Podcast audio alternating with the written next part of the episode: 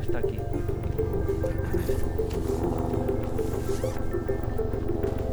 Per agafar helicòpters s'ha de Què hem de fer? d'estar eh, agachat al terra Ah, sí? i ells, ells us ha de- d'indicar D'acord, i quan sortiu us heu de quedar just al, sota de, al costat de l'helicòpter, Sense no anar-hi moure'ns. un. Sí, d'acord. sí.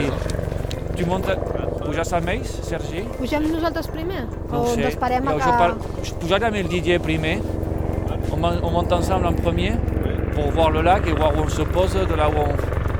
Vosaltres Perquè és decidiu. estratègic, perquè no coneixem el llac, el Ah, coneixem d'així, però no hem anat mai a treballar. I d'on comencem, posem la barca i tal, és més estratègic, a vegades per, per treballar és més fàcil o no.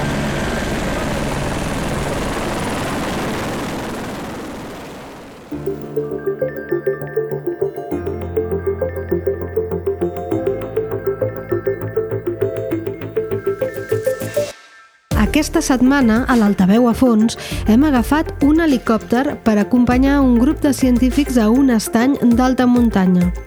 L'objectiu és fer-ne seguiment per millorar el coneixement sobre el seu funcionament ecològic, identificar els factors amenaça i definir accions de gestió per preservar-los.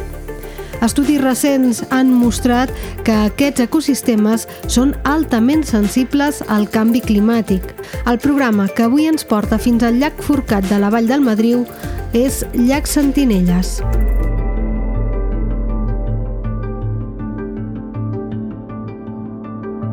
Són quarts de nou del matí i hem quedat prop de l'església d'Angolesters perquè ens reculli l'helicòpter. Farà tres viatges, dos per traslladar tot l'equip humà i un tercer per portar tot el material, incloses dues barques inflables i un motor elèctric dins d'una bossa penjada amb uns cables. Ens rep el responsable del projecte Llac Sentinelles.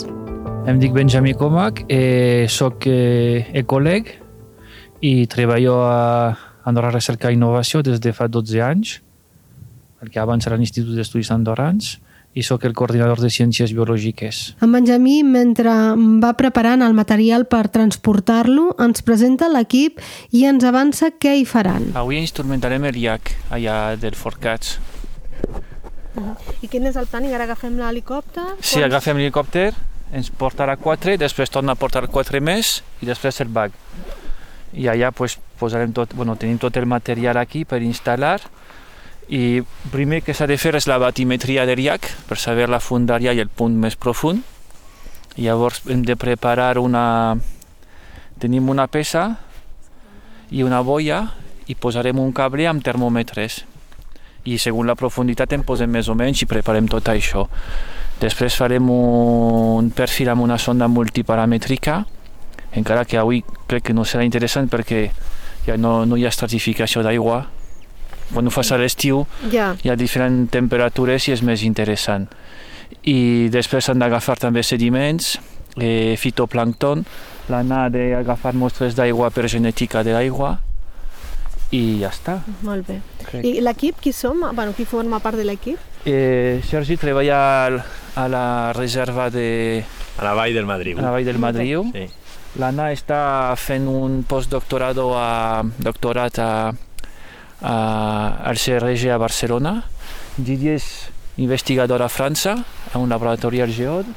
Eh, Alejandro és un company seu que és de Xile, que ells treballen junts amb llacs de Xile i està aquí de visita aquests dies.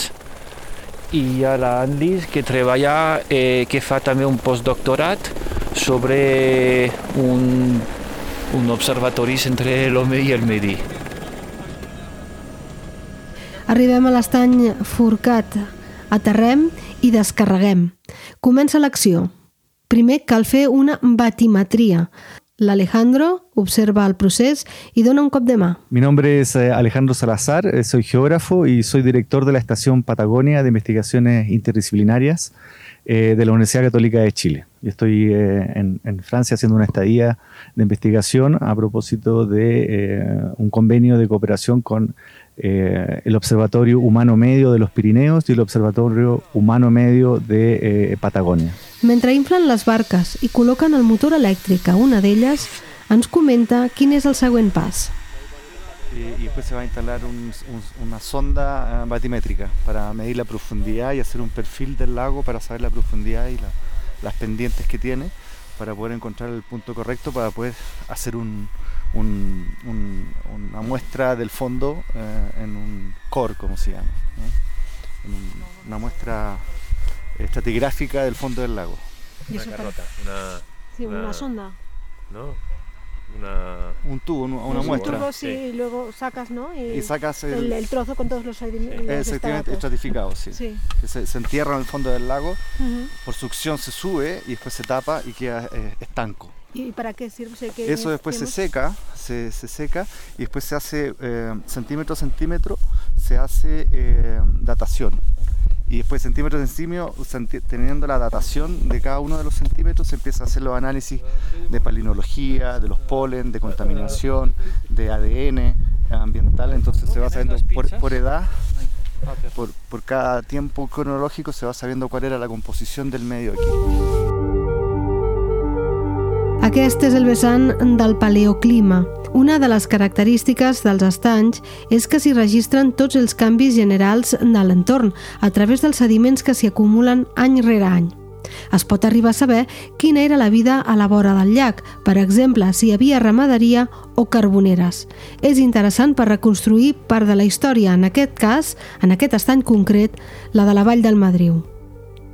L'expert en tot això és Didier Galop. És expert en paleoclima i fa molts seguiments de llacs. També en fa molts a França, la part que està eh, just a tocar d'Andorra, que està bé per comparar llacs d'una ve- d'una vessant de l'altra. I també hi fan un gradient est-oest dels Pirineus, de la zona a prop de Po fins a quasi aquí a les Angles. Ell fa tot això, ell és molt més expert que nosaltres, ens ajuda, té molt més material, la col·laboració amb ell és, ens facilita moltes coses. Hi ha molt material que no tenim nosaltres, que no caldria, la, que no, ens, po- no calia pagar per només un dia de fer servir. A- Això d'agafar la mostra de sediments, tot, l'hem fem servir cinc cops a Andorra. No cal comprar això en el TV i agafar la mostra i l'analitzem amb ell, que també el laboratori després a Toulouse per analitzar això necessites espai, material, gent formada i el, el seu equip i a tot això. Alors, je suis Didier Gallo, je suis directeur de recherche au CNRS euh, et je travaille au laboratoire Géode, qui est un laboratoire de géographie de l'environnement situé à Toulouse. On a fait ce qu'on appelle de la rétro-observation, c'est-à-dire qu'on a prélevé une carotte sédimentaire avec un carottier qu'on a été faire au centre du lac. Et dans cette carotte sédimentaire, on va étudier une multitude de paramètres qui vont nous permettre de- de suivre l'histoire de l'environnement et les dynamiques qui, ont passé de ce lac. Euh, Est-ce que ce lac était productif par le passé? Est-ce qu'il était moins productif? Est-ce qu'il a été plus productif il y a 1000 ans, par exemple? Et est-ce qu'il est revenu à la normale? Et toutes ces informations sont archivées dans les sédiments. Et on va les étudier en faisant des analyses géochimiques, en faisant des analyses biomoléculaires, mais on pourra aussi, à partir de cette carotte, reconstituer l'histoire de l'environnement en étudiant les graines de pollen fossiles, les spores de champignons, les charbons qui sont contenus euh, dessus. Et ça va nous permettre ainsi de décrire à la fois l'histoire de la végétation, du pastoralisme par exemple, ou des incendies qui ont eu lieu liés au défrichement. En treure el que ells diuen la cagot de l'aigua, un cilindre transparent d'uns 80 centímetres plens de sediments estratificats, arriben les primeres impressions. ¿Ves carbono, no? No, no, no. ¿No? C'est de la matière organique. Ah ouais. Le noir comme ça, les... Là, on a peut-être euh, 5000, 6000 ans, euh, pff, on n'en sait rien, 7000 ans, comme peut-être 2000 ans. On ne sait pas du tout. Ça va être la surprise. Porque no, claro, no sabes la tasa de cimentación. No, eh, mira, el, el vertiente, la cuenca es muy pequeña. Poco suelo, poco vegetación, entonces poco sedimento. Entonces puede ser muy bueno, sí. Sí. Porque puede ser bueno. Porque tienes muchos años en poco, porque sedimenta poco. Ah, Al haber poca vegetación, eh, poco escurrimiento de agua, el, el, Pueden eh, se sedimenta, hay muy poco sedimento que se deposita por año. Hay menos materia. Hay menos materia, claro. en 80 centímetres tant hi poden haver sediments de fa 200 anys com de 100.000. Fins que no els aixuguin, trobin matèria orgànica i puguin fer la datació del carboni 14, no ho sabran. A banda d'analitzar el passat, el projecte de llac Sentinelles també vol observar què passa en el present. Alors, ce lac du Forcat, on est aujourd'hui en train de l'équiper, il ne l'avait pas été jusqu'à maintenant. Donc on met un équipement qui va rester pérenne et dont l'objectif sera d'enregistrer des données sur de la longue durée. Donc qu'est-ce qu'on a fait? On a installé une bouée au fond du lac, enfin qu'on ne voit pas hein, sur le lac, mais qui, pour des raisons paysagères, qui est discrète dans lequel il y a euh, pendu à cette bouée, il y a des capteurs thermiques qui enregistrent toutes les heures les, euh, températures du lac et ça euh, toute l'année, tous les jours. Donc on va avoir comme ça un registre de température qui va nous permettre de suivre au, au bout de deux ans, trois ans, dix ans, euh, l'évolution des températures et l'évolution thermique du lac, voir si il se retourne bien, par exemple, parce que les lacs se retournent tous les ans, euh, font des, des processus d'échange thermique. Tout ça, ça va être des manières de suivre si le lac est en bonne santé. Aquesta mateixa investigació ja fa temps que el Didier l'està portant a terme a llacs de França i la sorpresa ha saltat aquest any on en un estany de l'Arieja la temperatura registrada ha estat de 9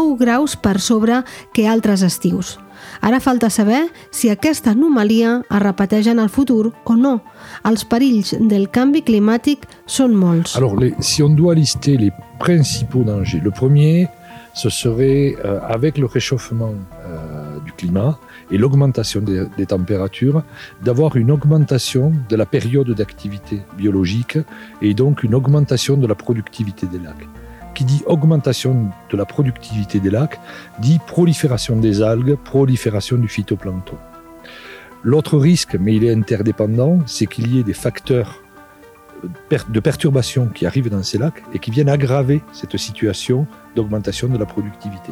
Par exemple, si on introduit des poissons ou s'il y a trop de poissons introduits dans les lacs pour la pêche par des alevinages, on peut diminuer le nombre, le- les, les espèces du zooplancton qui va coup euh, empêcher la prolifération du phytoplancton et des algues. Ça, c'est un autre risque. Mais, par exemple, pour prendre un autre risque, celui des baignades, les baignades vont amener des contaminants dans les lacs par les produits ambre solaires que se passent les gens et qui vont se déposer, qui vont se, se, euh, contaminer le lac et qui peuvent altérer l'écosystème. Aquest treball exhaustiu, amb 10 anys de camí, en el qual Andorra hi participa des del 2020, també es fa en altres indrets. És interessant comparar les dades, fem servir el mateix protocol que els Alps, que així ja podem comparar amb altres massissos el que pot passar. Sí, la, la Patagònia sí faran... Sí, sí. No, no, està bé. I, I fer servir el mateix material, mateix protocol, és molt important. No tens desviació de... Tens, pots, pots comparar les dades entre tots. Després de passar per Andorra, Didier Galop i Alejandro Salazar van volar a la Patagònia per fer el mateix seguiment. Però per què és tan important? Què ens aporta aquest seguiment dels llacs d'alta muntanya?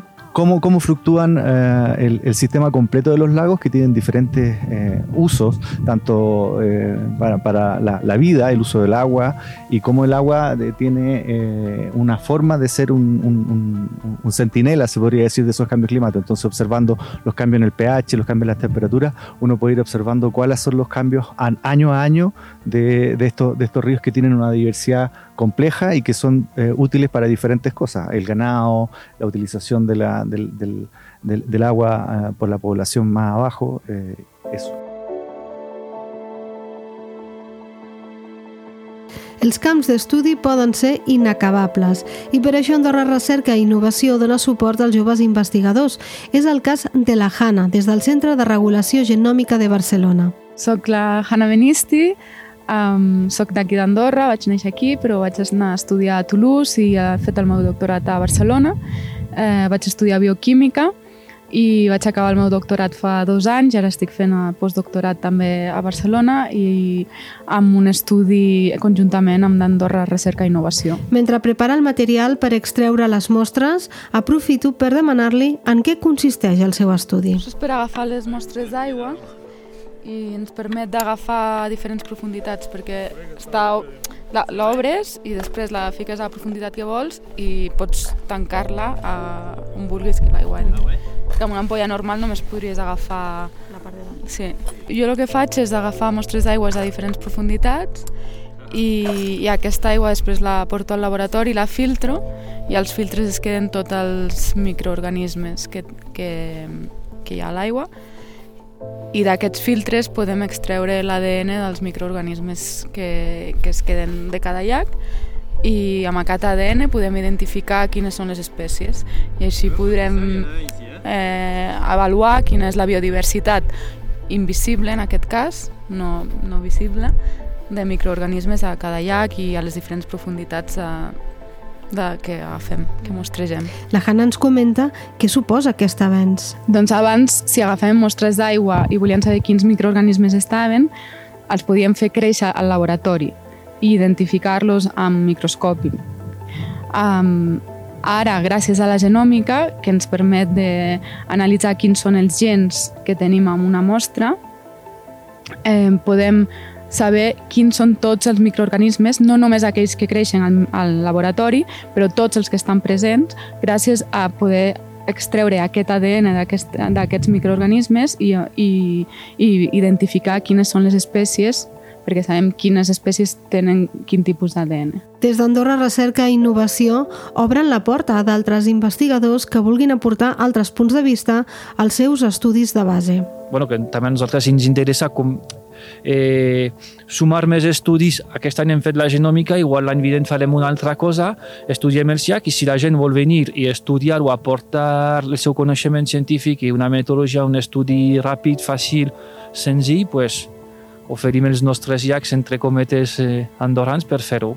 Al, a Sortain hem posat en marxa fa dos anys una cosa que és l'Observatori Sentinel, que probablement l'any vinent ho posarem aquí també, i la idea és treballar tots en agafar agents altitudinals i treballar tots al mateix lloc.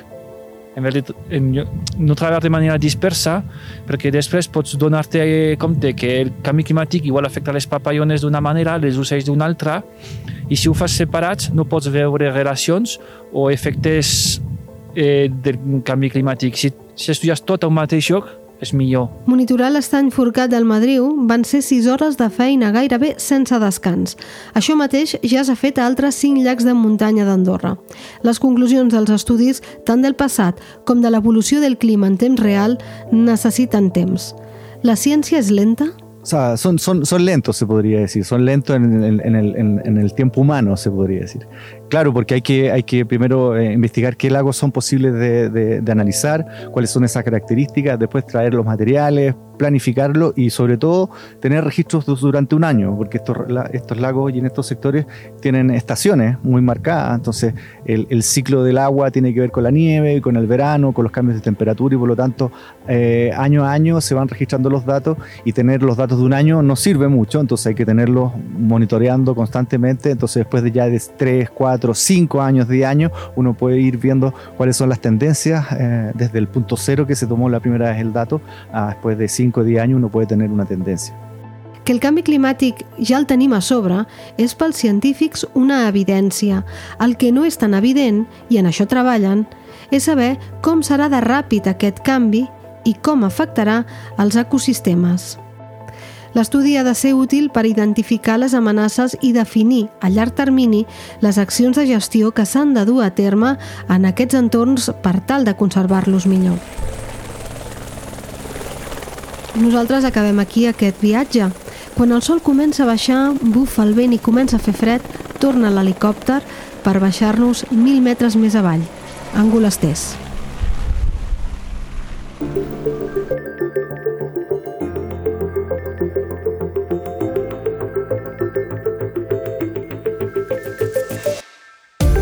Això ha estat l'Altaveu a fons. Agraïm la invitació de l'Ari, sense la qual no haguéssim pogut fer aquest episodi, que ha estat realitzat per Eduard Ros i qui us parla, Esther Pons. Dimecres vinent tornem amb més històries.